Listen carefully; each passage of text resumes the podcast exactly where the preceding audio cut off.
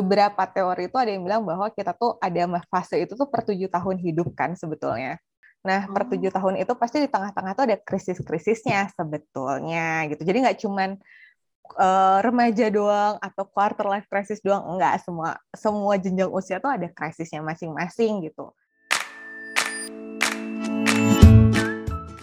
Hai, saya Noni. Saya Vini. Selamat datang di podcast Life as a Married and Single Woman. Di sini, kamu bisa dengerin cerita dari yang udah nikah dan yang masih single. Podcast ini nggak ada kesimpulannya. Cuman semoga bisa bikin kamu merasa nggak sendirian. Selamat mendengarkan.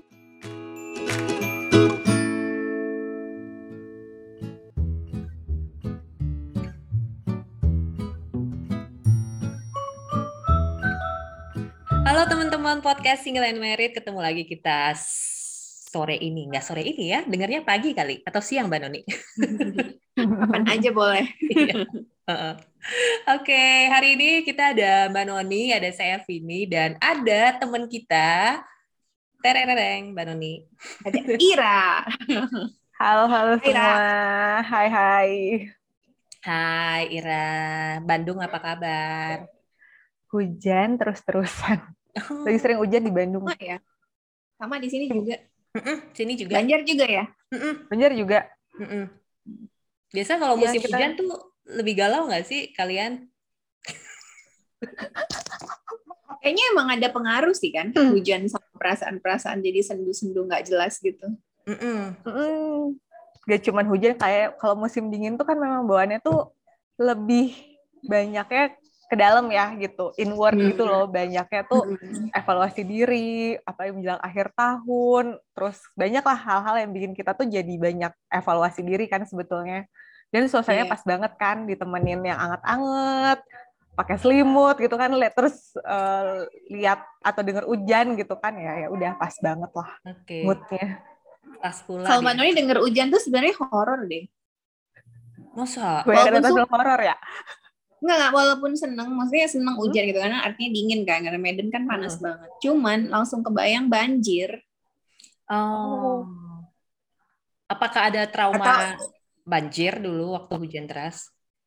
Rumah Mbak Noni kan sempat berapa kali kebanjiran. Maksudnya banjirnya bukan oh. karena apa, tapi karena bocor gitu loh, yang airnya tiba-tiba masuk dari atas karena ada tempias gitu-gitu. Tapi jadi jadi kayak kepikiran aja sih. Mm -hmm. Hmm. Horornya lebih ke arah banjir ya mbak ya, bukan horor-horor gitu. Horornya enggak sih, ya langsung inget aduh banjir gitu. Terus kan di depan kompleks kalau udah hujannya di Medan tuh curah hujannya lumayan gede lah, jadi kalau sekali hujan langsung banjir. Nah di hmm. depan jalan kita itu pasti selalu banjir. Jadi kalau habis hujan kita tuh bakal dengerin suara motor, beca, kadang-kadang um, mobil mogok di, di depan kompleks. Oh Oh. Itu tinggi juga ya Mbak berarti ya. Sampai mana sampai pada mogok itu kan lumayan ya iya. berarti. Uh, sampai mungkin se sedengkul kali atau sebetis orang dewasa kali ya. Hmm. Jadi Sebenarnya, lumayan lah. Tahun tahun lalu Vini dapat banjir juga kan, Vin? Bukan tahun lalu, eh, tahun ini. Iya, iya, iya. Iya, iya tahun ini. Awal tahun kalau nggak salah pas hujan lagi gede-gedenya juga curahnya. Iya. Hmm. Sebenarnya Bandung ngomong, sering banjir nggak kira? Bandung tuh yang banjir daerah selatan, Mbak. Aku kan daerahnya rada tinggi nih di utara. Cuman rumahku itu deket sama Jalan Pasteur, adalah nama jalan di kota Bandung.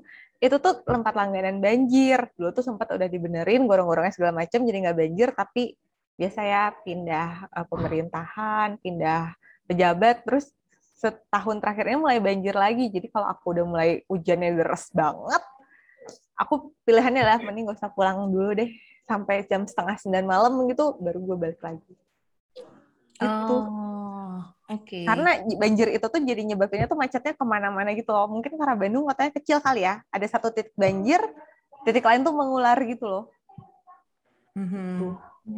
Mm. dan lumayan dari kemarin tuh hujannya tuh yang hujan angin deras banget setengah jam tuh udah udah parah banget sih terus ada yang sempat hujannya nggak berhenti berhenti deras gitu jadi daerah-daerah selatan kayak Dayakolot yang gitu-gitu udah habis kena banjir sih hmm. jadi sebenarnya kita kalau ngobrolin hujan galau menyerempet ke topik kita untuk hari ini mbak Doni ya Iya, sebenarnya kita eh, ini malah nyerempet ke pertemuannya Pak Jokowi kemarin yang di Glasgow. Gimana gimana? Coba coba diupdate. apa? Kan enggak itu ngomongin apa sih tentang apa em, eh, apa sih namanya tentang bumi kan yang Hmm. harus Oh. lakuin macam-macam. Iya iya iya. Isu tentang Oh, lingkungan. Cocok. Isunya tentang global Mm-mm. climate change. Hmm, mm-mm. Tapi kita nggak bahas climate change ya sebenarnya ya. Iya, iya. Hari ini kita mau bahas tentang eh, apa sih namanya quarter life crisis. Mm-mm. Quarter life Mm-mm. crisis. Oke, apa itu? Sebenarnya kita bertiga udah ngelewatin belum? Kalau Mbak Noni udah ngelewatin lah. Iya. Udahlah. Kalau kalau Udah ini tuh ya. sebenarnya balik ke ekspektasi hidup orang nggak sih? Misalnya misalnya kalau aku merasa ekspektasi hidupku adalah 60 tahun, kalau aku sekarang 33 berarti udah setengah life crisis kan ya. 30 tahun. Iya.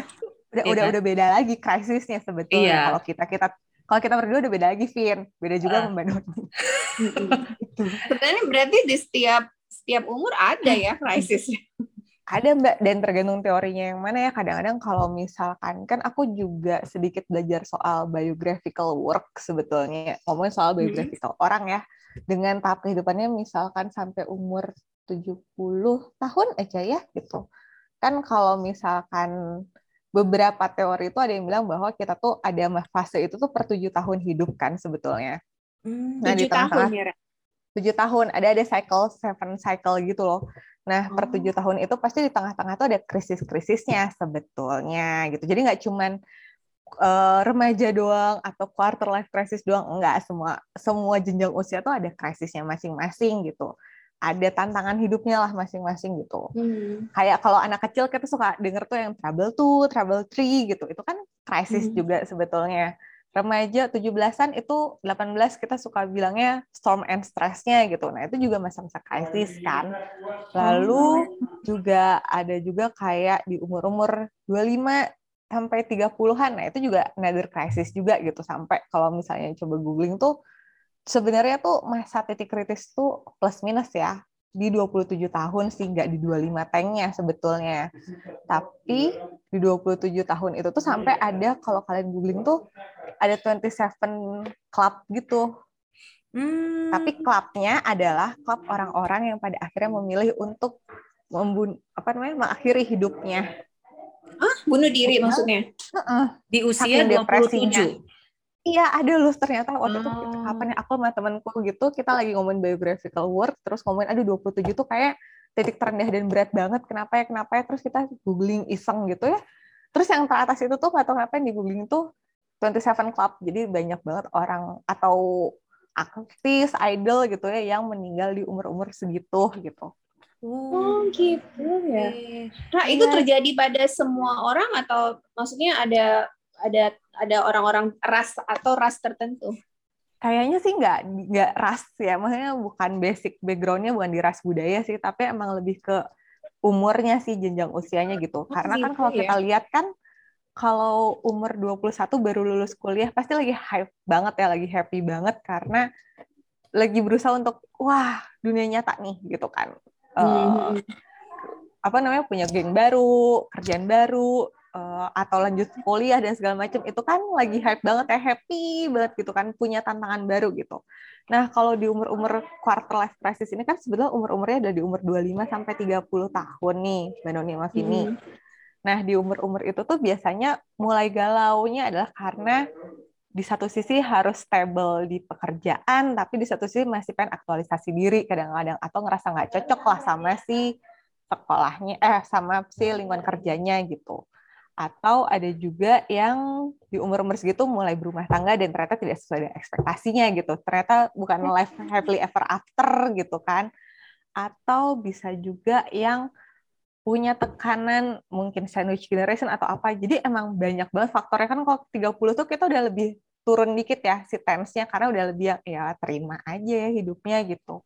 Mulai terima Hmm. bahwa oh ya gue punya dunia gue, temen gue punya dunia gue dan ya kita tetap bisa berteman gitu. Kalau misal di 25 sampai 30 kan baru punya keluarga baru, tapi juga nggak bisa curhat ke banyak orang lagi karena sibuk masing-masing. Maksudnya banyak hal-hal yang akhirnya bikin stres kan di situ tuh gitu. Sementara tuntutan sebagai orang dewasa, muda gitu, kan juga cukup banyak ya harus berumah tangga, punya pekerjaan stabil, punya anak, dan lain dan lain yang ya juga numpuk gitu. Hmm. Coba diingat-ingat kembali umur 25 ngapain? Tunggu Ra. Kalau yang dari penjelasan Ira barusan berarti hmm. tadi range usia 25 sampai 30 itu cenderung jadi usia-usia yang berat karena banyak banyak hal-hal baru gitu ya yang kita alami. Mm -hmm. Kita baru lulus kuliah, baru kerja, baru nikah gitu ya. Gak baru banget sih karena 25 tuh biasanya kan udah mulai kerja, tapi hmm. kerjanya mungkin udah mulai stabil tapi kan biasanya kalau masih baru di satu pekerjaan tuh kadang-kadang masih yang aduh masih pengen ini aduh mau ganti kerjaan kah? Tapi kalau gue ganti kerjaan mm-hmm. sekarang gue udah punya anak. Maksudnya atau gue baru nikah nih gitu. Gimana nih? Atau buat yang belum nikah mungkin duh yang lain tuh udah mulai kelihatan stabil gitu kan ya. Gue masih hura-hura gini gimana ya? Gitu. Maksudnya banyak hal-hal seperti itu kan. Kalau umur 30 kan biasanya udah lebih menerima hidup ya ya ya udah gitu kan ya gue bisa menikmati apa yang gue punya sekarang gitu. Tapi kalau 25 30 kan masa-masanya masih baru masuk dewasa muda kan sebetulnya gitu. Mm-hmm. mungkin baru ganti kerjaan dua kali atau beneran baru nikah dan baru punya anak gitu. Jadi beneran baru ngerasain hal-hal baru. Terus cara pertemanan juga pertemanan tuh udah mulai nggak kayak dulu waktu kuliah kan Hmm. Mungkin awal-awal kerja kan masih kayak waktu kuliah nih, bisa ketemu kapan aja, punya teman baru. Tapi ketika umur 25 itu mulai banyak yang nikah, mulai pada fokus masing-masing gitu kan. Jadi memang secara sosial pun gak banyak eh, apa namanya kehidupan sosialnya tuh nggak sebanyak ketika waktu pas 20-an awal gitu. Hmm. Hmm. Atau buat yang bertambah ya. Hmm, kalau Mbak tanggung jawab kan bertambah juga. Namanya Betul. udah mulai kerja gitu kan. Apalagi kalau udah mulai menikah juga. Mm-mm, gitu. Sedangkan kalau di 21 22 23 mungkin ada yang masih kuliah dan baru lulus gitu. Jadi masih masih tenang lah masa-masanya gitu kan masih ah masih baru lulus gitu kan mm-hmm. oh ini yang namanya punya kerjaan punya duit sendiri jadi kan masih masih bahagia ya gitu hmm. belum mikirin uh, tagihan kartu kredit gitu kan mikirin aduh mesti ngasih orang tua tapi di satu sisi juga mesti punya kehidupan sendiri mesti nyiapin yeah. dana ini dana itu gitu hmm. Coba kita flashback Mbak Noni dan Ira. 25 tahun, kira-kira teori yang Ira sampaikan tuh benar nggak terjadi di hidup kita usia 25? Aku tadi habis ngecek. Kayaknya benar ya. Kayaknya iya ya. Uh-uh, iya. 25, mm -mm. Dua, juga kan masa-masa umur 25 baru pertama kali misalnya, kerja sih benar ya. Mm -mm, gitu. Atau kelihatan kayak stable terus tiba-tiba dar ada masalah gitu. Kayak yeah kayak misalnya uh, pacaran udah lama terus putus atau udah mau nikah ternyata nggak jadi atau yang hmm. baru nikah berapa bulan ternyata nggak sesuai ekspektasi gitu kan. Itu kan juga biasa di umur umur segitu kan mulainya gitu. Kayak dunia nyata tuh ya berada di depan mata. Bener mbak. Gitu. Era kan gitu. kan ada istilah masih istilah ini apa? Oh kamu gedenya kecepatan gitu ya kan? Nah, aku nggak tahu kalau di di ilmu psikologi umur itu bergeser nggak? Misalnya dulu mungkin 25 30 baru mulai mengalami krisis yang tadi Ira sebutin, tapi makin ke sini mungkin agak turun nih, mungkin 23 28 atau hmm. lebih cepat nggak orang mengalami masa itu? Ada nggak di ilmu psikologinya? Hmm.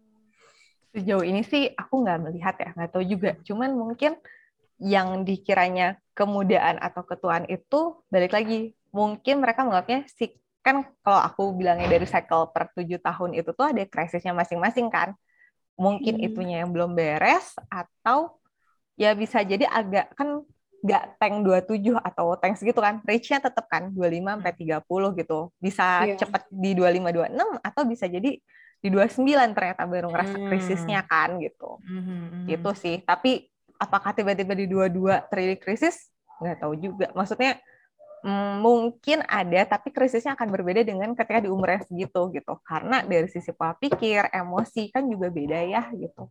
Hmm. Jadi Ra, itu sebenarnya um, krisis itu berarti dialamin sama semua orang dong, cuman beda-beda aja kali ya.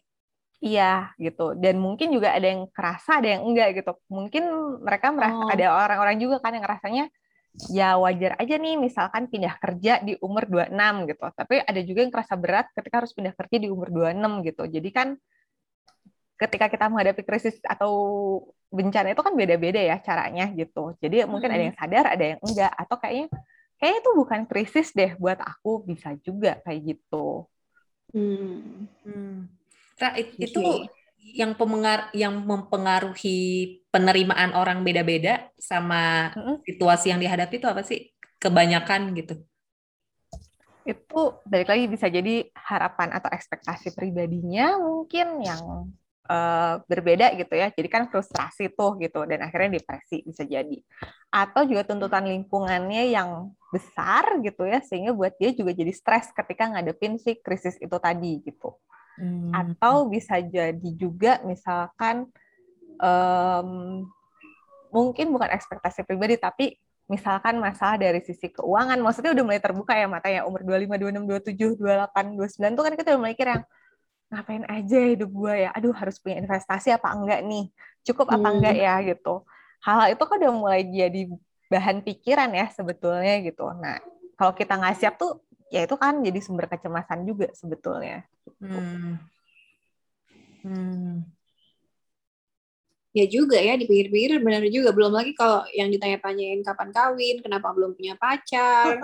Atau yang udah nikah terus tiba-tiba kok nggak punya punya anak sih gitu atau punya Oh, anak iya, satu iya. kok kurang sih gitu itu kan ada hal-hal baru yang bikin cemas ya untuk orang yang baru menginjak hal itu kita umur 30-an mungkin ya udah bosen juga ya ditanyain kapan nikah ditanyain kapan punya anak lagi dan segala macem udah punyalah jawaban-jawabannya gitu tapi untuk yang Hmm. baru banget itu kan sebuah shock ya gitu Iya, iya benar juga sih.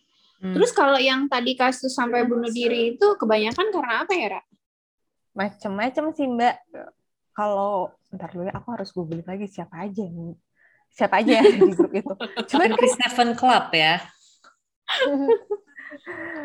eh, cuman memang si krisis di umur 26 27 itu memang biasanya untuk bantu kita untuk naik lagi sih. Maksudnya kayak naik level gitu loh kalau berhasil melalui hal tersebut gitu.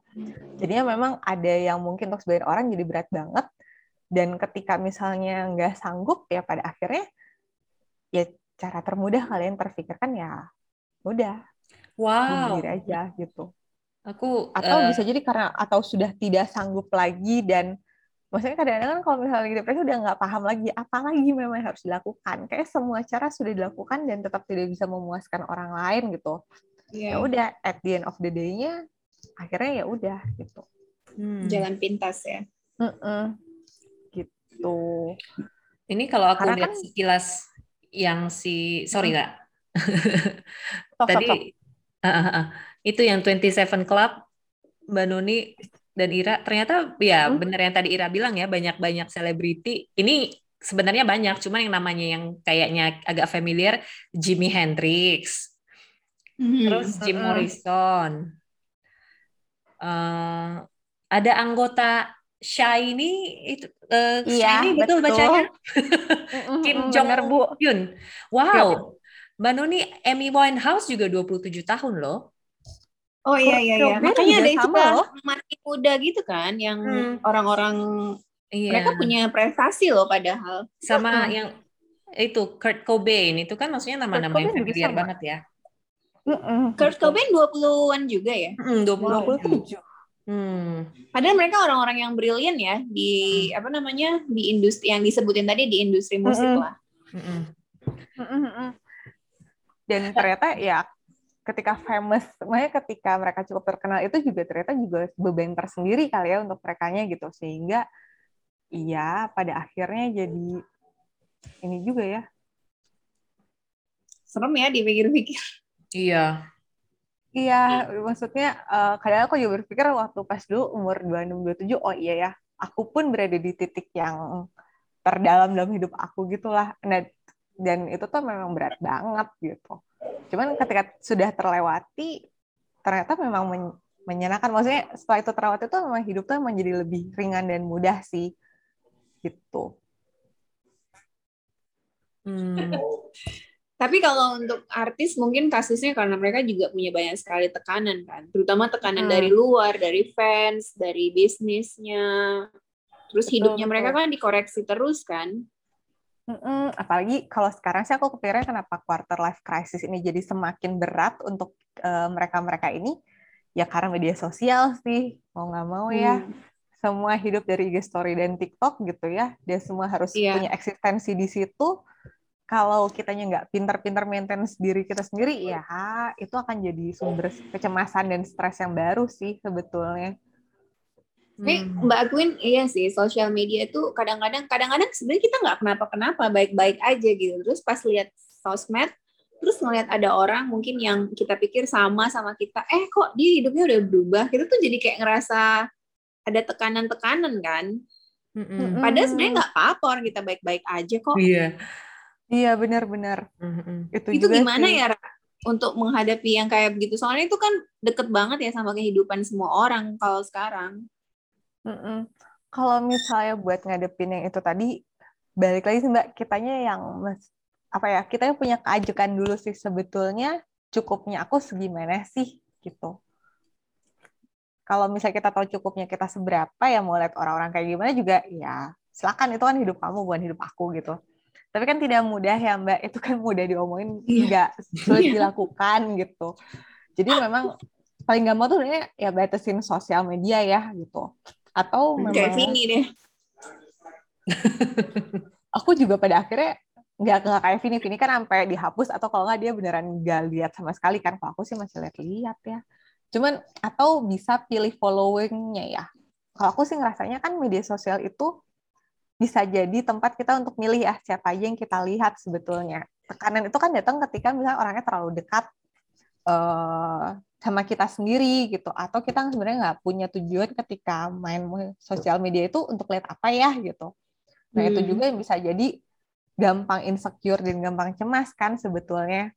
Kan kalau aku isi following di Instagram aku kan kan blogger-blogger yang dulu aku ikutin dari lama kan gitu. Jadi hmm. ya ya udahlah gitu kan.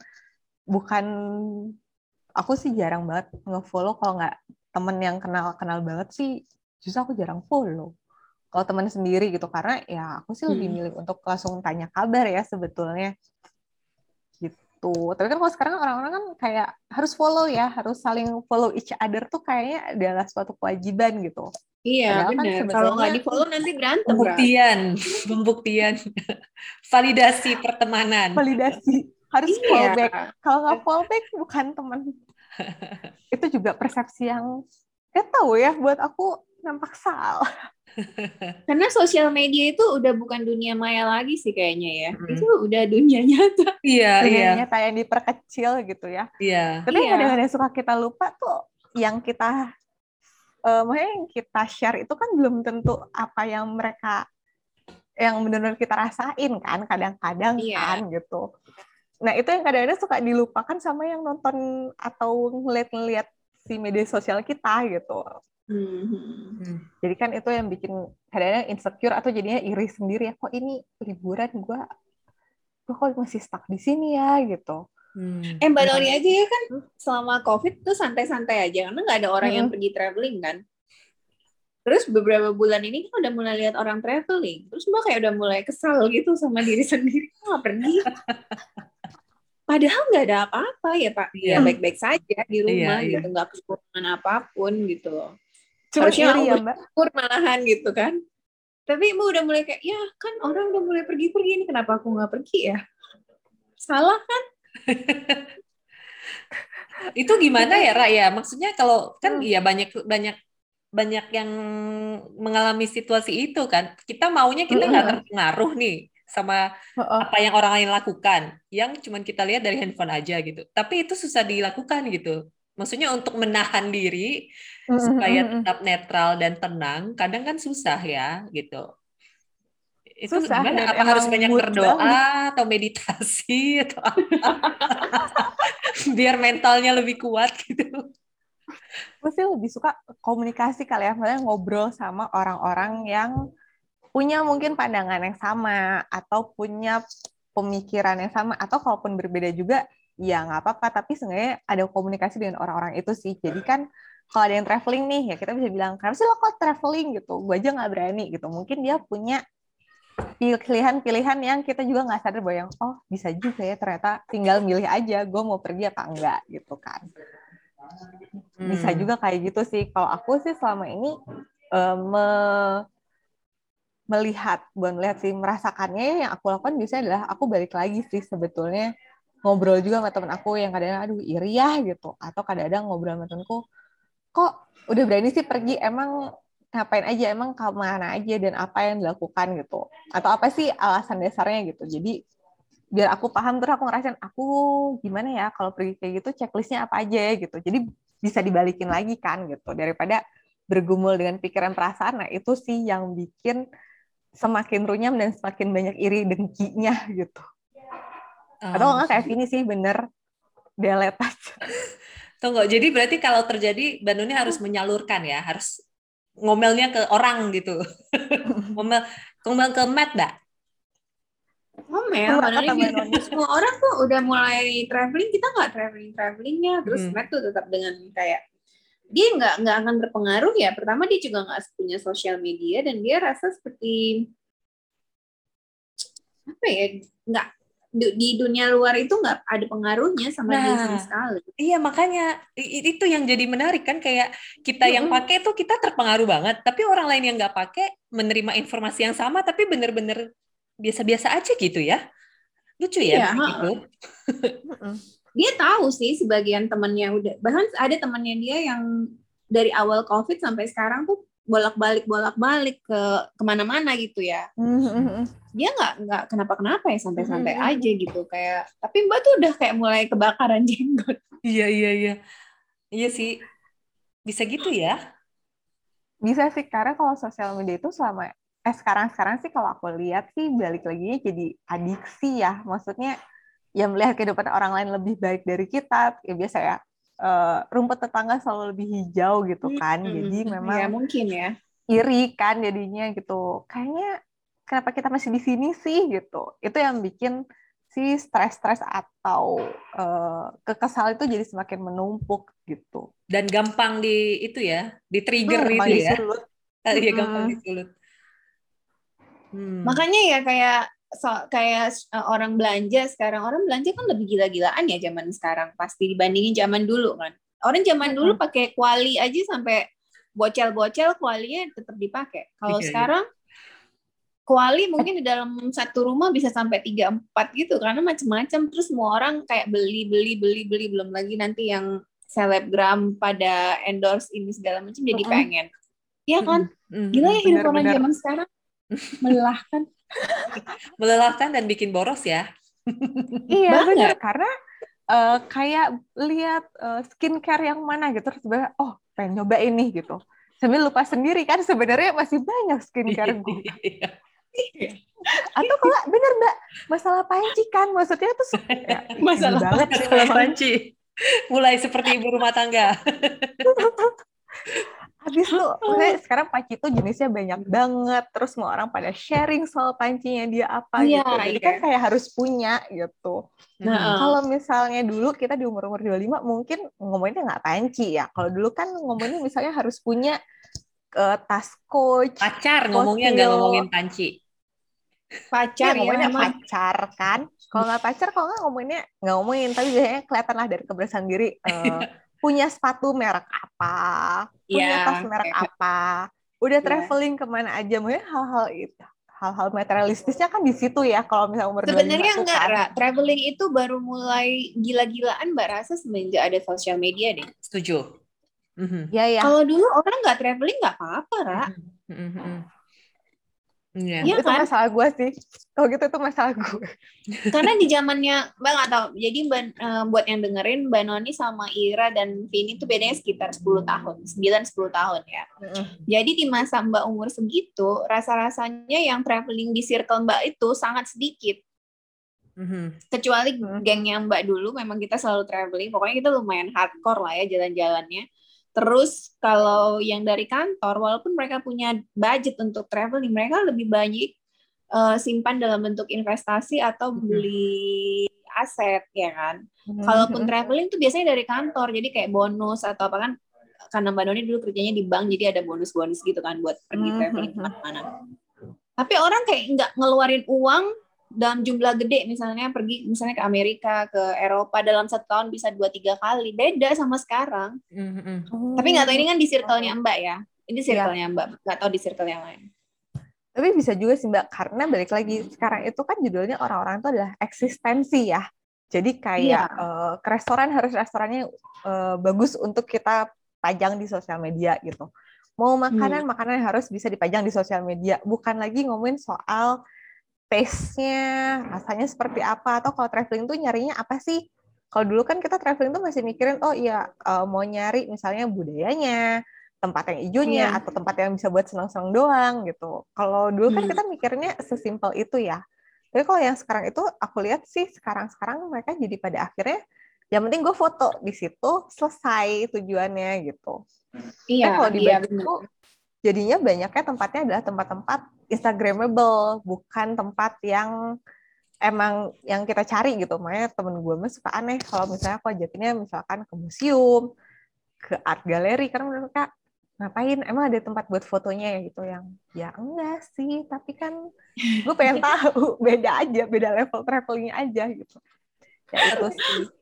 Tapi ada ini juga nggak Ra? Kalau yang soal traveling itu kan aku juga nggak traveling sih anaknya sih. Maksudnya baru semenjak punya uang sendiri aja baru mulai mulai travel dan mm -hmm. itu pun bukan travel karena kayak mencari jati diri atau apa enggak sih.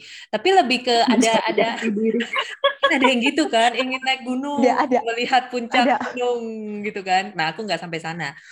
Tapi ada perasaan kayak itu, misalnya ngelihat Iya sih, ada faktor sosial media juga. Misalnya ngelihat tapi lebih ke ngelihat banyak orang yang hidupnya tuh tiba-tiba selesai gitu. Ini ini maksudnya perasaanku ya gitu. Jadi karena melihat hmm. itu jadi muncul kesadaran bahwa waktu tuh nggak banyak dan kan banyak nih travel-traveler yang suka ngepost yang kira-kira kalimatnya tuh gimana ya? Hmm, apa traveling adalah pengalaman mahal yang tidak terbayarkan. Kira-kira gitulah ya quotesnya kan hmm, ada iya, gitu, gitu ya. Oh ya ada ada jargon itu ada iya, kira-kira gitu ya. Jadi maksudnya coba kita cek uh, quote-nya. Ya, apa ya nah, iya, iya kira-kira. Nah maksudku nggak sebenarnya pemikiran-pemikiran gitu tuh apakah dasarnya lebih ke karena juga ada anxiety di quarter life crisis ya? Maksudnya ketika kita merasa usia kita mungkin makin lama makin pendek jadi banyak kebutuhan nih untuk menyelesaikan apa yang bisa dilakukan sekarang-sekarang aja nih termasuk traveling tadi gitu. Ada gitu nggak, Ra? Hmm. Apa ya kalau aku ngeliat sih sekarang-sekarang itu orang-orangnya memang lebih aware sama yang namanya memaknakan hidup kayak semua itu harus ada dimaknain ya gitu kan. Makanya kan uh, mulai muncul kayak mindfulness, awareness, ada pemaknaan hidup, segala harus ada pakai passion gitu. Kalau dulu kan orang enggak hidupnya nih orang itu kan dulu sesimpel ya lo kuliah, kerja, nikah, punya anak. That's it gitu kan. Hmm. Tapi kan kalau sekarang dengan adanya banyak dengan ada internet kali ya. Kalau dulu kalau dulu mungkin orang-orangnya males baca buku sehingga memang yeah. ya mendalami ke arah situ gitu. Spiritualitinya yeah. juga paling sebatas di agama gitu kan, ikut pengajian, hmm. ikut kelas gereja yang mana gitu. Tapi kalau misalkan sekarang informasinya tuh too much gitu loh, Vin. Jadinya hmm. memang itu yang bikin kita juga jadi kayak kalau gue nggak maknain hidup gue, gimana ya nantinya gitu. Nah itu juga jadi masalah lagi kan gitu. Hmm. Hmm. Karena kayak semua semua tuh kayak harus dimaknain kan kerja harus sesuai passion. iya. Kalau sekarang harus sih, dirasakan punyahannya mm gitu kan. Capek gitu kan. banget ya. Mm -mm. Capek banget. Ya. iya sih maksudku iya sih, kalau misalnya dulu tuh kayak uh, nggak atau kita sekarang aja ya boro-boro mau ngomongin passion. Yang penting kan gue dapet duit gue bisa menjalani hidup. Passion tuh bonus ya nggak sih? kenyataan hidup kan di situ ya. Tapi kalau anak-anak umur dua atau ya orang-orang di umur 25 atau 30 mungkin masih kayak yang tarik-tarikannya di situ kali. Tapi kan aku pengen passion, apalagi kan dengan jargon-jargon yang itu ya, Vin. Mm. Uh, kerjalah sesuai passion atau apa atau apa mm. yang bikin orang-orang akhirnya kayak itu ada suatu kewajiban yang harus dilakukan gitu. Tapi kan passion itu tuh kadang-kadang tidak nyata juga ya. Maksudnya ya kalau sekarang lo butuhnya duit, masa mau sosokan passion sih? Datang dari kakak berusia 30 tahun plus ya. Dengarkanlah adik-adik. Umur tuh memang tidak berbohong ya kalau urusan kayak gini. Emang bener kok, Ra. Mbak setuju itu. Enggak. Karena Mbak Noni kan eh, Mbak ngerasa dari dulu Mbak kerja nggak sesuai dengan apa yang Mbak suka sih. Tapi uh, terus Mbak ketemu Matt kan. Matt itu adalah orang yang kerja sesuai dengan apa yang dia senang. Jadi dia mau kita bilangin kayak apa pun, dia ngerasa dia nggak penting. Yang penting sama dia, dia dia kerja sesuai dengan apa yang dia suka aja dan dia mau. Tapi tapi dia kan punya maksudnya dia bisa melakukan itu karena orang tuanya juga bisa support ya. Hmm. Kalau Mbak kayaknya umur 21 22 eh lo masih kerja kalau enggak nggak punya duit. Hmm. Ya harus kerja lah banding tulang apa aja dikerjain. Hmm. Iya kan? Iya iya iya. Dimaki-maki sama bos juga ya sudahlah tahankan sampai umur 30-an. Hmm, Oke. Okay. Eh, pos pos pos. Ini bahasanya seru, tapi ini waktu kita mau habis. Kita login ulang ya. Iya iya iya. Aku kirimin link lagi ya, bentar ya.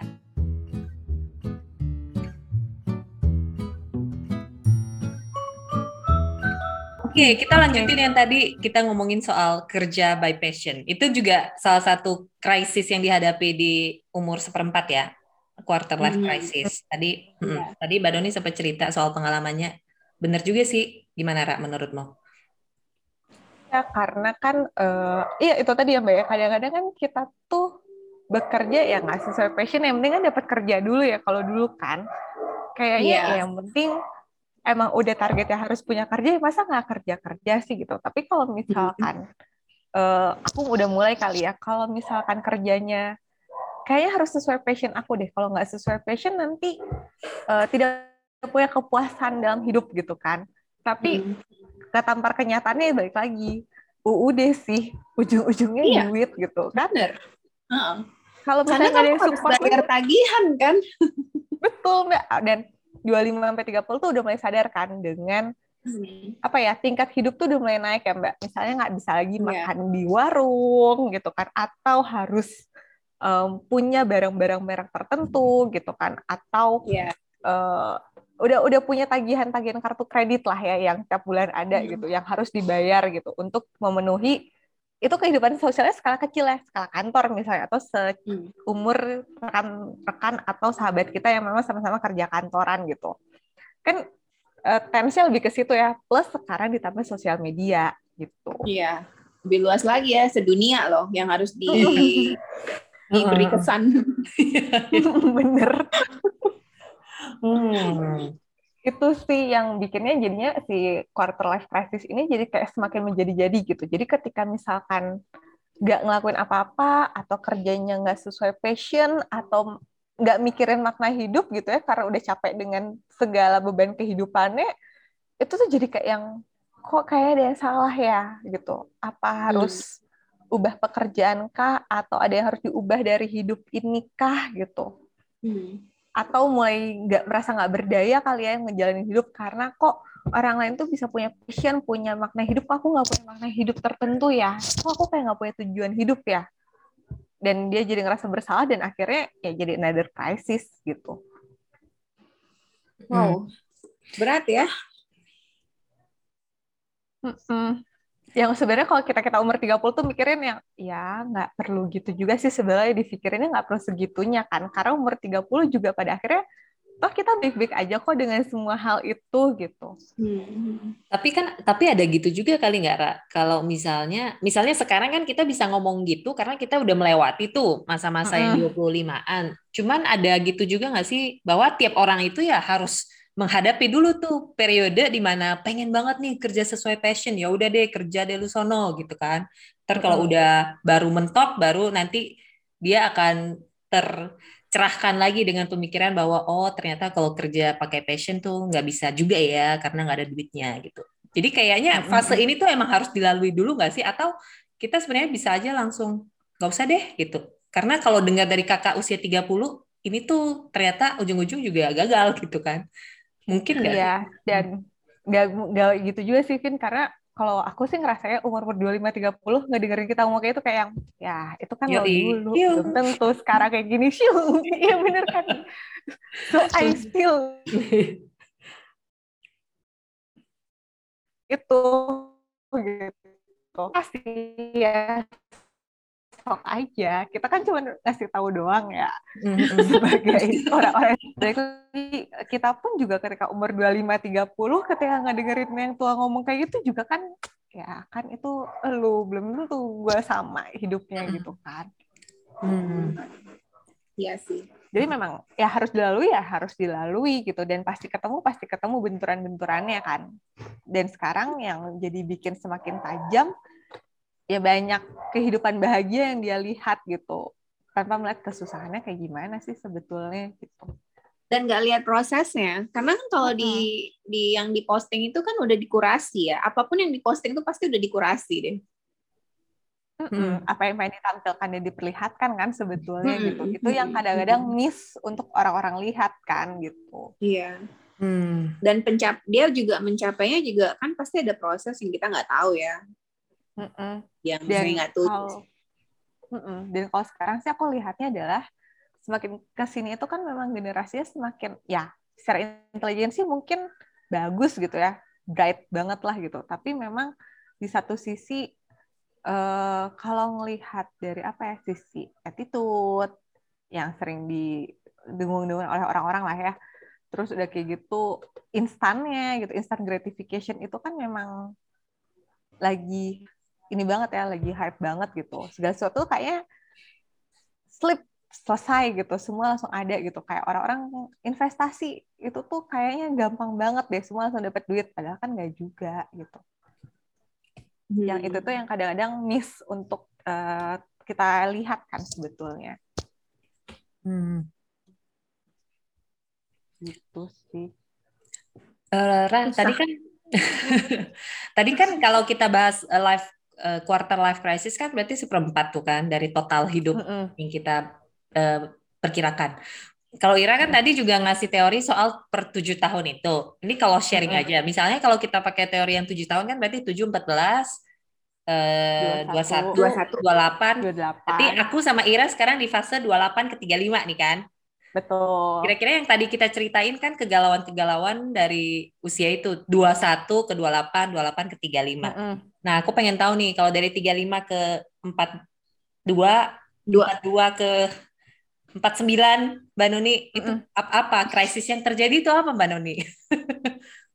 Ingat nggak ada yang bilang uh, life start at 40. Nah, itu juga kan another crisis sebetulnya. Mm. Oh iya ya kayaknya Gak Coba tahu sih Mbak, kayaknya 39 ke 40 tuh kayak sakral sakralnya mirip-mirip kayak 29 ke 30 kali ya. Aku sih nggak tahu belum ngerasa. Persiapkan aku dan Ira menghadapi kehidupan kami. Mungkin kalau dunia pekerjaan Mbak udah nggak begitu lagi ya waktu pas masuk hmm. ke 40 Terus Mbak juga nggak punya anak sih, jadi agak susah juga ngomonginnya. Mm. Tapi yang pasti banget Mbak mulai ngerasa tuh keluarga. Jadi maksudnya orang tua, karena kan orang tua makin tambah tua kan.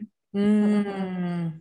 Jadi ada mulai banyak masalah-masalah yang muncul tuh kayak oh kalau misalnya ayah ibu sakit tuh nanti gimana gitu. Mm. Terus uh, ternyata sakit, jadinya harus bagaimana gitu karena uh, apalagi pas kemarin COVID itu Mbak umur berapa tuh? 42 terus 43 ya maksudnya umurnya segitu terus ayah ayah sakit ibu sakit adik yang Mbak Noni sakit bahkan meninggal akhirnya itu kayak Mbak mulai wah ternyata di umur ini aku mulai ngadepin hal-hal yang dulu nggak pernah bayangin hmm. kayak orang tua sakit kan kalau dulu mereka masih bisa sendiri pergi hmm. ke rumah sakit hmm. ya kan hmm. kalau di umur sekarang Mbak udah harus ngerasa oh harus ada orang yang temanin karena um, terus sekarang juga berubah banget sih ya kayak Contohnya aja lah, kayak misalnya orang tua pakai asuransi atau BPJS, itu semua harus pakai aplikasi, harus pakai orang tua mana tahu yang kayak gitu-gitu kan. Jadi kan harus ada orang yang lebih muda yang nemenin. Terus um, kayak kejadian kemarin waktu ayah ibu Mbak Noni ke rumah sakit, um, apa namanya, Mbak kan sendiri karena Mbak naik mobil, ibu naik ambulan. Terus Mbak bilang nanti tunggu aja ternyata tuh nggak ditunggu jadi langsung masuk rumah sakit dan waktu itu ada tes covid segala macam ibu mbak Noni itu sendirian jadi kan kebingungan. Hmm. hal-hal yang kayak gitu tuh sekarang udah mulai masuk di kehidupan yang mbak Noni yang dulu sama sekali nggak ada. Oh, ya ya ya. terus mbak rasa-rasa oh ya mungkin umur waktu anak mungkin anak-anak yang paling besar umurnya mulai masuk ke 40-an dia akan menghadapin orang tuanya yang memang semakin nu- menua kan Iya. Mhm. orang tuanya akan semakin menua mungkin umurnya udah mulai di atas 65-an Nah, Hmm. dan itu akan ada banyak kejadian-kejadian lain jadinya dia mulai mikirin selain keluarganya sendiri kalau misalnya Mbak Noni punya anak atau eh, ya punya keluarga kan punya anak punya suami berarti kan harus ada ini yang dipikirin tapi ada ada juga orang tua yang harus dipikirin kayak kayak gitu mung- mungkin kemungkinan Oh, iya iya iya. Mhm. Bener sih. Mhm, mhm, mhm.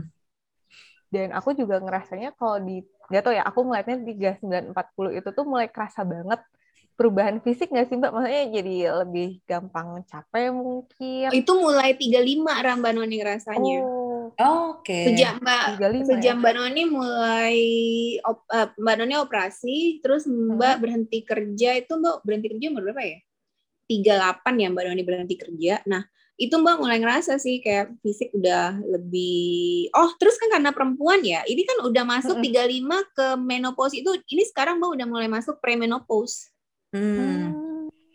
Jadi memang maksudnya kita, kita pikir menopause itu oh kan kalau dulu mikirnya oh menopause itu nanti kan mungkin umur 50 atau Mhm, 55. Enggak, sebenarnya kita mulai ngerasain eh, apa namanya?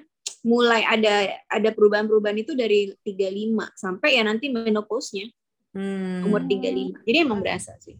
Hormon dan Sama- segala macam itu berasa. Sama udah mulai temenku yang 40-an udah mulai pakai kacamata plus. Oh, Mbak belum. Aduh, tapi koyo Mbak udah mulai pakai. Oh, koyo mah aku dari 20-an Oh, ya, juga gue juga pakai. dari sekarang Mbak pakai. Oh iya ya. Oh, Mbak baru. Tas dulu, Mbak Vin. Tas.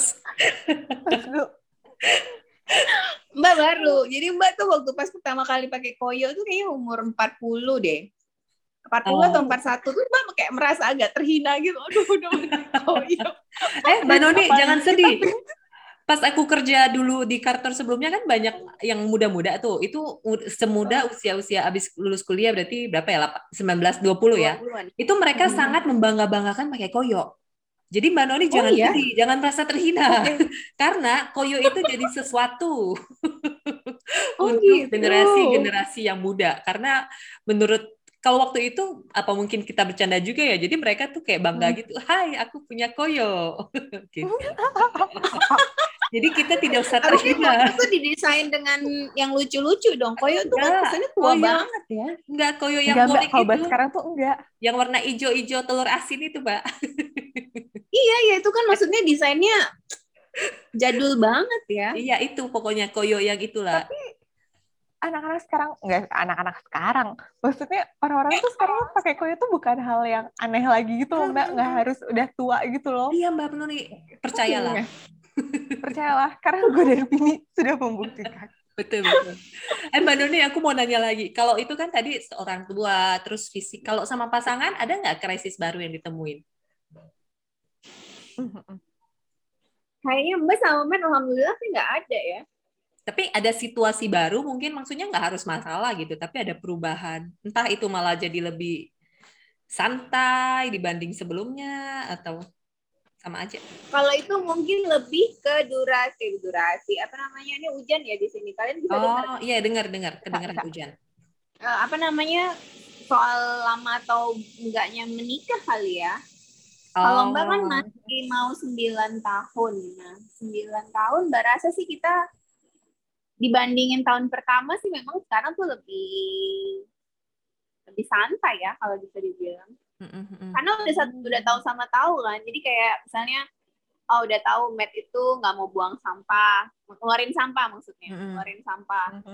Kalau dulu kan Mbak marah kan, kayak kenapa sih kamu nggak ngerjain ini kan kamu harusnya buang sampah kalau kelihatan apa namanya ini keranjang sampahnya udah penuh harusnya dikeluarin gitu. Dulu Mbak marah-marah, kalau sekarang Mbak kayak ah, bodo amat ya udah keluarin aja sendiri. Hmm. Yang kayaknya tuh berda bukan karena umur ya, tapi karena lama nggaknya menikah aja sih. Oh, jadi bukan Mungkin. karena umur ya? Kayaknya sih iya sih, bukan karena Hmm. umur. Eh, ini kalau sedikit menyimpang, Mbak Noni itu nggak sih mengalami nggak sih yang orang-orang bilang three years each itu kayak tiga tahun pertama yang kalau bisa lewat akan lebih gampang challenge Iya, challenge atau jadi lima tahun pertama. gitu, iya atau lima tahun pertama Mm-mm. Um, dua-duanya belum ada nikah. iya makanya itu kita mengorek-ngorek informasi ya nggak Ra? Iya benar-benar karena kan dengerinnya cuma cerita ya kalau misalnya aku tuh banyak dapetnya kan teori gitu. Mm, mm. terus kita mau side Kayaknya tuh ya lebih lebih ke Mbak Noni sih yang lebih punya banyak masalah dan gimana? bikin masalah kalau Mbak rasa. Eh, terus Mbak kan lagi terapi hormon kan karena punya endometriosis Mbak terapi hormon tuh kayaknya sampai umur pernikahan kami lima tahun ya. Jadi tuh lumayan gonjang ganjing sih karena Mbak Hmm. selalu marah-marah. Oke. Tapi cuma itu doang. Jadi bukan kayak nyerang nyerang secara personal enggak ya. Jadi karena ada Kayak faktor Mbak- medis juga ya. Iya, iya, iya. Jadi kalau misalnya mung- mungkin setiap pernikahan pasti beda-beda ya. Ada yang mungkin kan uh, tahun pertama, tahun kedua mungkin pekerjaannya belum belum stabil, jadi mungkin bisa jadi itu masalah atau masalah anak. Kita nggak ngerasain itu, tapi karena Mbak Noni nggak punya pengobatan itu yang si endometriosis itu, jadi sampai pernikahan lima tahun, ya itu sering ngamuk-ngamuk sendiri nggak jelas. Hmm. doang. Hmm, hmm, hmm. Hmm. Tapi itu juga kan berarti sebetulnya ada suatu masalah atau problem ya Mbak ya di situ tuh gitu. Mungkin dikasihnya Iya, bagiannya ke situ gitu. Iya. Karena kan iya. kalau Dan misalnya yang yang bikin lain- itu Mbak Noni sih. Hmm, hmm, hmm, hmm. Karena kalau yang setahu aku dan aku mendengar dari teman-temanku atau senior-seniorku itu adalah kalau di tiga tahun awal itu atau lima tahun awal biasanya perma- tiga tahun awal sih masa utama tuh terjadi karena perbedaan kebiasaan. Ya mau udah pacaran bertahun-tahun juga begitu serumah kan beda ya. Eh, hal-hal kecil yang kadang-kadang justru itu yang jadi bikin masalah gitu kalau kata temenku yang sudah menikah sih seperti itu. Kayak kayak Mbak Noni tadi kan kayak masalah sesimpel buang sampah doang gitu. Tapi kan karena itu terjadi tiap hari jadinya jadi suatu kegerumulan sendiri ya di hati gitu. Atau kalau Iya. misalnya udah nginjeknya eh, tiga tahunan tuh biasanya mulai ngomongin masalah anak gitu kan.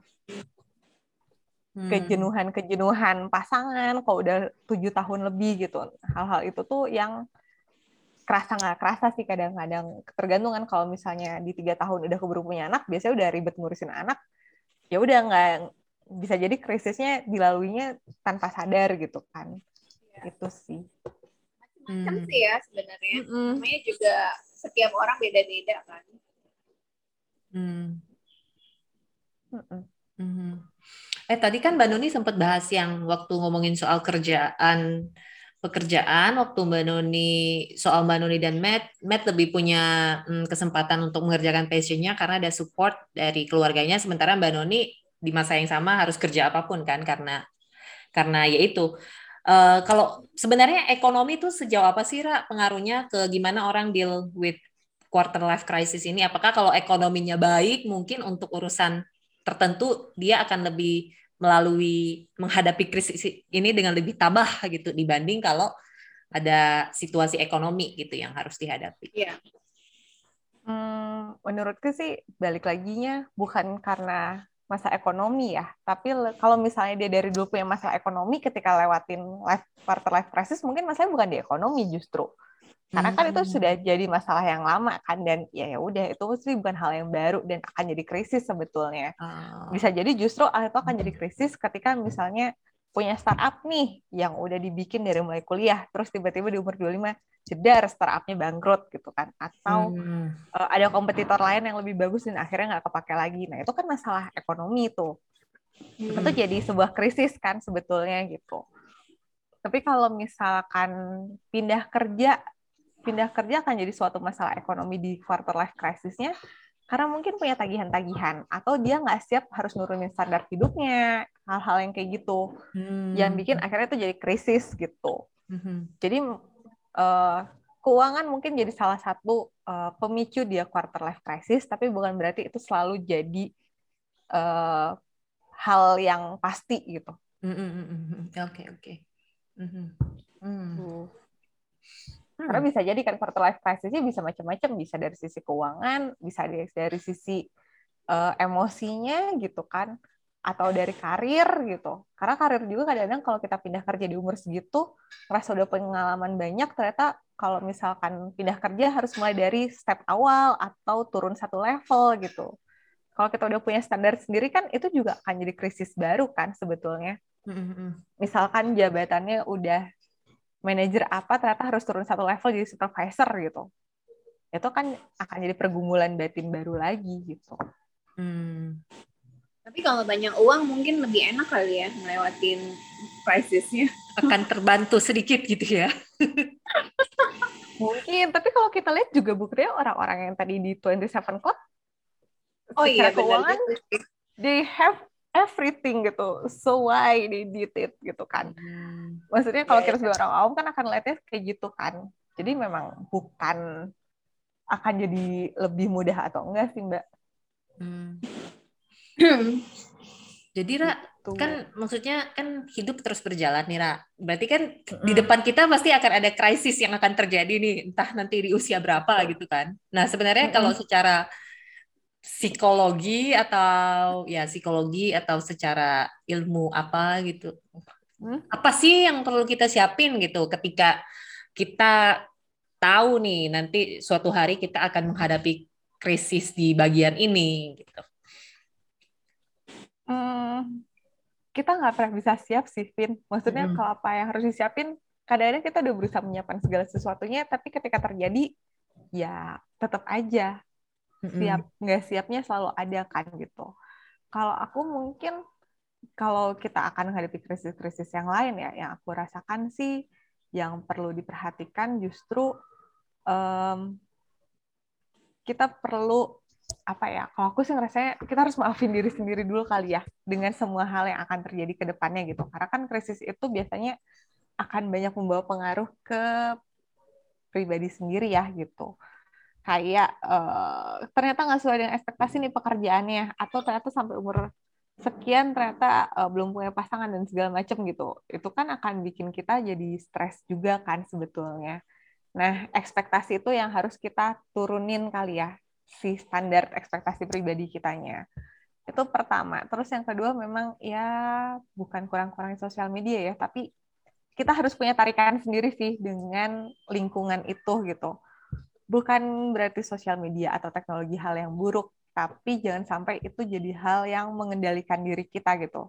Itu dibuat untuk kita mengendalikan mereka kan supaya kita bisa hidup dengan lebih mudah gitu, bukan sebaliknya mempersulit hidup kan si sosial media itu. Jadi how we maintain the social media itu dan itu kan berubah juga pada akhirnya dengan ekspektasi hidup kita sendiri sih itu yang kedua sama yang ketiga ya semakin tua tentu pertemanan akan semakin kecil gitu dan akan semakin sulit untuk bertemu. Jadi ya memang maintenance pertemanan juga jadi hal yang penting karena itu juga yang bantu kita untuk bisa punya teman diskusi teman ngobrol yang bisa bentuk kita untuk mengurai-nguraikan pikiran yang kadang-kadang numpuk di diri kita sendiri aja kan. Kayak kita sekarang karena kita ngobrol bertiga kita jadi punya tiga pandangan nih yang bikin kita yang oh iya ya bisa kayak gitu juga ya oh ternyata ada pandangan yang baru ya gitu nah tapi kalau kita nggak punya orang untuk bisa ngobrol seperti ini itu juga bisa jadi akan membuat mereka akan semakin stres sebetulnya gitu hal-hal hmm. itu bisa sedikit bisa membantu lah ya untuk mempersiapkan. Jadi kan sebenarnya kalau ada masalah apa pun kita tahu nih ke mana kita bisa cerita gitu kan. Kalau punya teman yang gak harus selalu ada sih, maksudnya kalau kita umur-umur 21 tuh kayak uh, satu geng, satu ada harus semua ada gitu kan. Satu yeah. punya masalah itu masalah semua orang gitu. ya kalau sekarang yeah. kan iya. gak bisa ya, Bu atau satu musuh orang itu adalah musuh kita semua gitu. Kalau kita di titik ini kan, ya kalau misalnya teman kita salah ya lo salah aja gitu kan. Nggak yang Tapi kita itu masih berlaku kadang-kadang, Iya mbak, untuk di beberapa circle pertemanan kan masih kayak gitu ya. Yeah. Kita perlu memilih memilih sih ya pada akhirnya kita yang memilih uh, pertemanan yang seperti apa yang kita punya sih gitu. Karena kalau kayak gitu juga aku sih pribadi capek ya kalau misalkan uh, nggak nggak tahu sih kalau aku pribadi sih aku nggak terlalu cocok untuk tipe yang seperti itu sebetulnya pertemanannya yang ada aku dimarahin dulu karena pasti aku akan bilang ya kalau lo salah ya salah aja gitu. Justru kalau misalnya aku punya teman yang bisa membantu aku mengkoreksi diri itu akan lebih baik sih. Gitu. Hmm. karena kan kebayangnya kalau kita punya teman terus temennya juga punya ekspektasi tersendiri ke kita gitu kan dan nggak bisa ngoreksi kitanya juga jadinya juga jadi stres ya si pertemanannya itu gitu. Hmm. Hmm ya nah, itu dia. memilih untuk uh, less drama lah. Maksudnya kalau kita sekarang di umur umur sekarang kita bisa punya pilihan untuk uh, mau punya banyak drama atau enggak dalam hidupnya gitu. Sebelum mm -hmm. ada krisis yang muncul sih. Mm -hmm. jadi tadi uh, berarti maintain ekspektasi maafin diri maintain sosmed dan bertemanlah dengan orang yang tepat Ya. Atau kalau misalkan punya mau bikin perencanaan hidup gitu ya, lima tahun ke depan lagi, uh, apa impian Anda? Itu disarankan atau nggak disarankan? Itu disaranin sih sebetulnya, ya perencanaan hmm. aja, tapi perencanaannya tidak harus detail ya. Jadi kan maksudnya uh, setahun sekali atau beberapa bulan sekali kita bisa ngeliatkan maintenance yang, oh ini ternyata susah nih lewat jalan yang jalur A nih kromanya. Kita lewat jalur yang mana ya gitu. Jadi kan kita punya banyak jalan ya untuk menghadapi kalau ada krisis ke depannya apa nih plan A, plan B-nya gitu.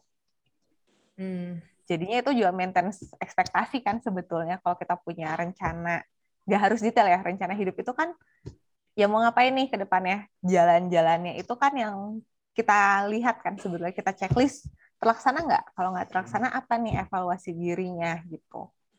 Nah itu tuh rencana-rencana kecil itu yang bantu kita sebetulnya untuk mempersiapkan diri ketika ada krisis kan. Gitu. Mm-hmm. Sama ya itu sih.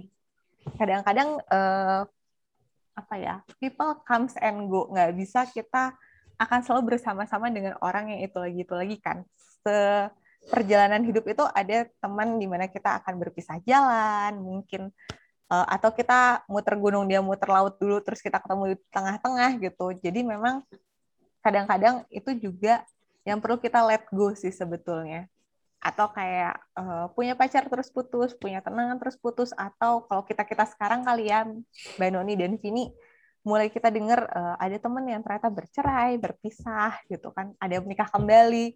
Buat kita sekarang mungkin bukan hal yang aneh ya di umur kita yang sekarang, tapi untuk umur-umur yang 20-an mungkin mereka nggak berpikir bahwa yang, ah kok bisa ya kayak gitu? gitu, kok bisa sih kasarnya kayak uh, lo menikah dengan orang yang salah gitu.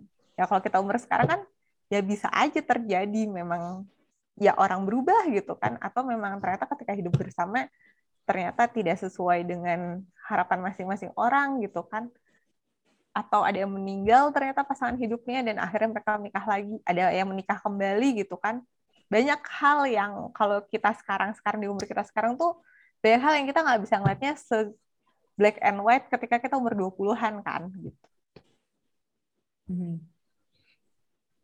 Hmm. Benar. Hmm. Semakin tua akan semakin berubah sih ya. Mm-mm, dan aku sih berpikir jadi banyak semakin banyak gray area sebetulnya. Makin tua makin abu-abu ya. ya sih kalau kalau menurut buat aku ya. masalah apa namanya orang yang 40-an mungkin masalah anak 25 anak dulu cemen banget gitu kali ya. Iya iya. Kayak yang ya lah masa lo baru segitu belum juga ngadepin A B C D gitu kan yang menu ya. Iya iya iya iya. Hmm, karena oh, kalau kita ingat itu umur kita 25 tuh kayak kita nggak kepikiran deh bahwa oh setelah nikah itu tuh nggak akan sehappy itu ya. Maksudnya kan kalau dulu kan kebayang umur 25 lo kerja lo nikah punya anak and that's life gitu kan wah pasti tetap bahagia sama pasangannya sampai maksudku kalau ngeliat junior juniorku tuh ada yang ah daripada gue kuliah nggak lulus udah nikah aja gitu kayak kan itu jalan pintas banget ya padahal nggak tahu aja hmm. gimana kehidupan pernikahan kan gitu mm -hmm. oke okay. okay. Udah satu jam loh. Udah. Udah bener juga ya. Serius ya obrolannya sekarang. Iya. Kita tutup ya. Jadi buat semua orang sebenarnya krisis itu tetap ada ya Raya. Mm-mm. Siapa pun itu. Dan tadi ada beberapa cara supaya kita bisa melewatin semua uh, krisis dalam hidup kita. Terima kasih yang sudah mendengarkan topik hari ini. Uh, sampai ketemu lagi dua minggu kemudian. Ira, terima kasih. Terima kasih, Ira. Semoga bermanfaat. Dadah.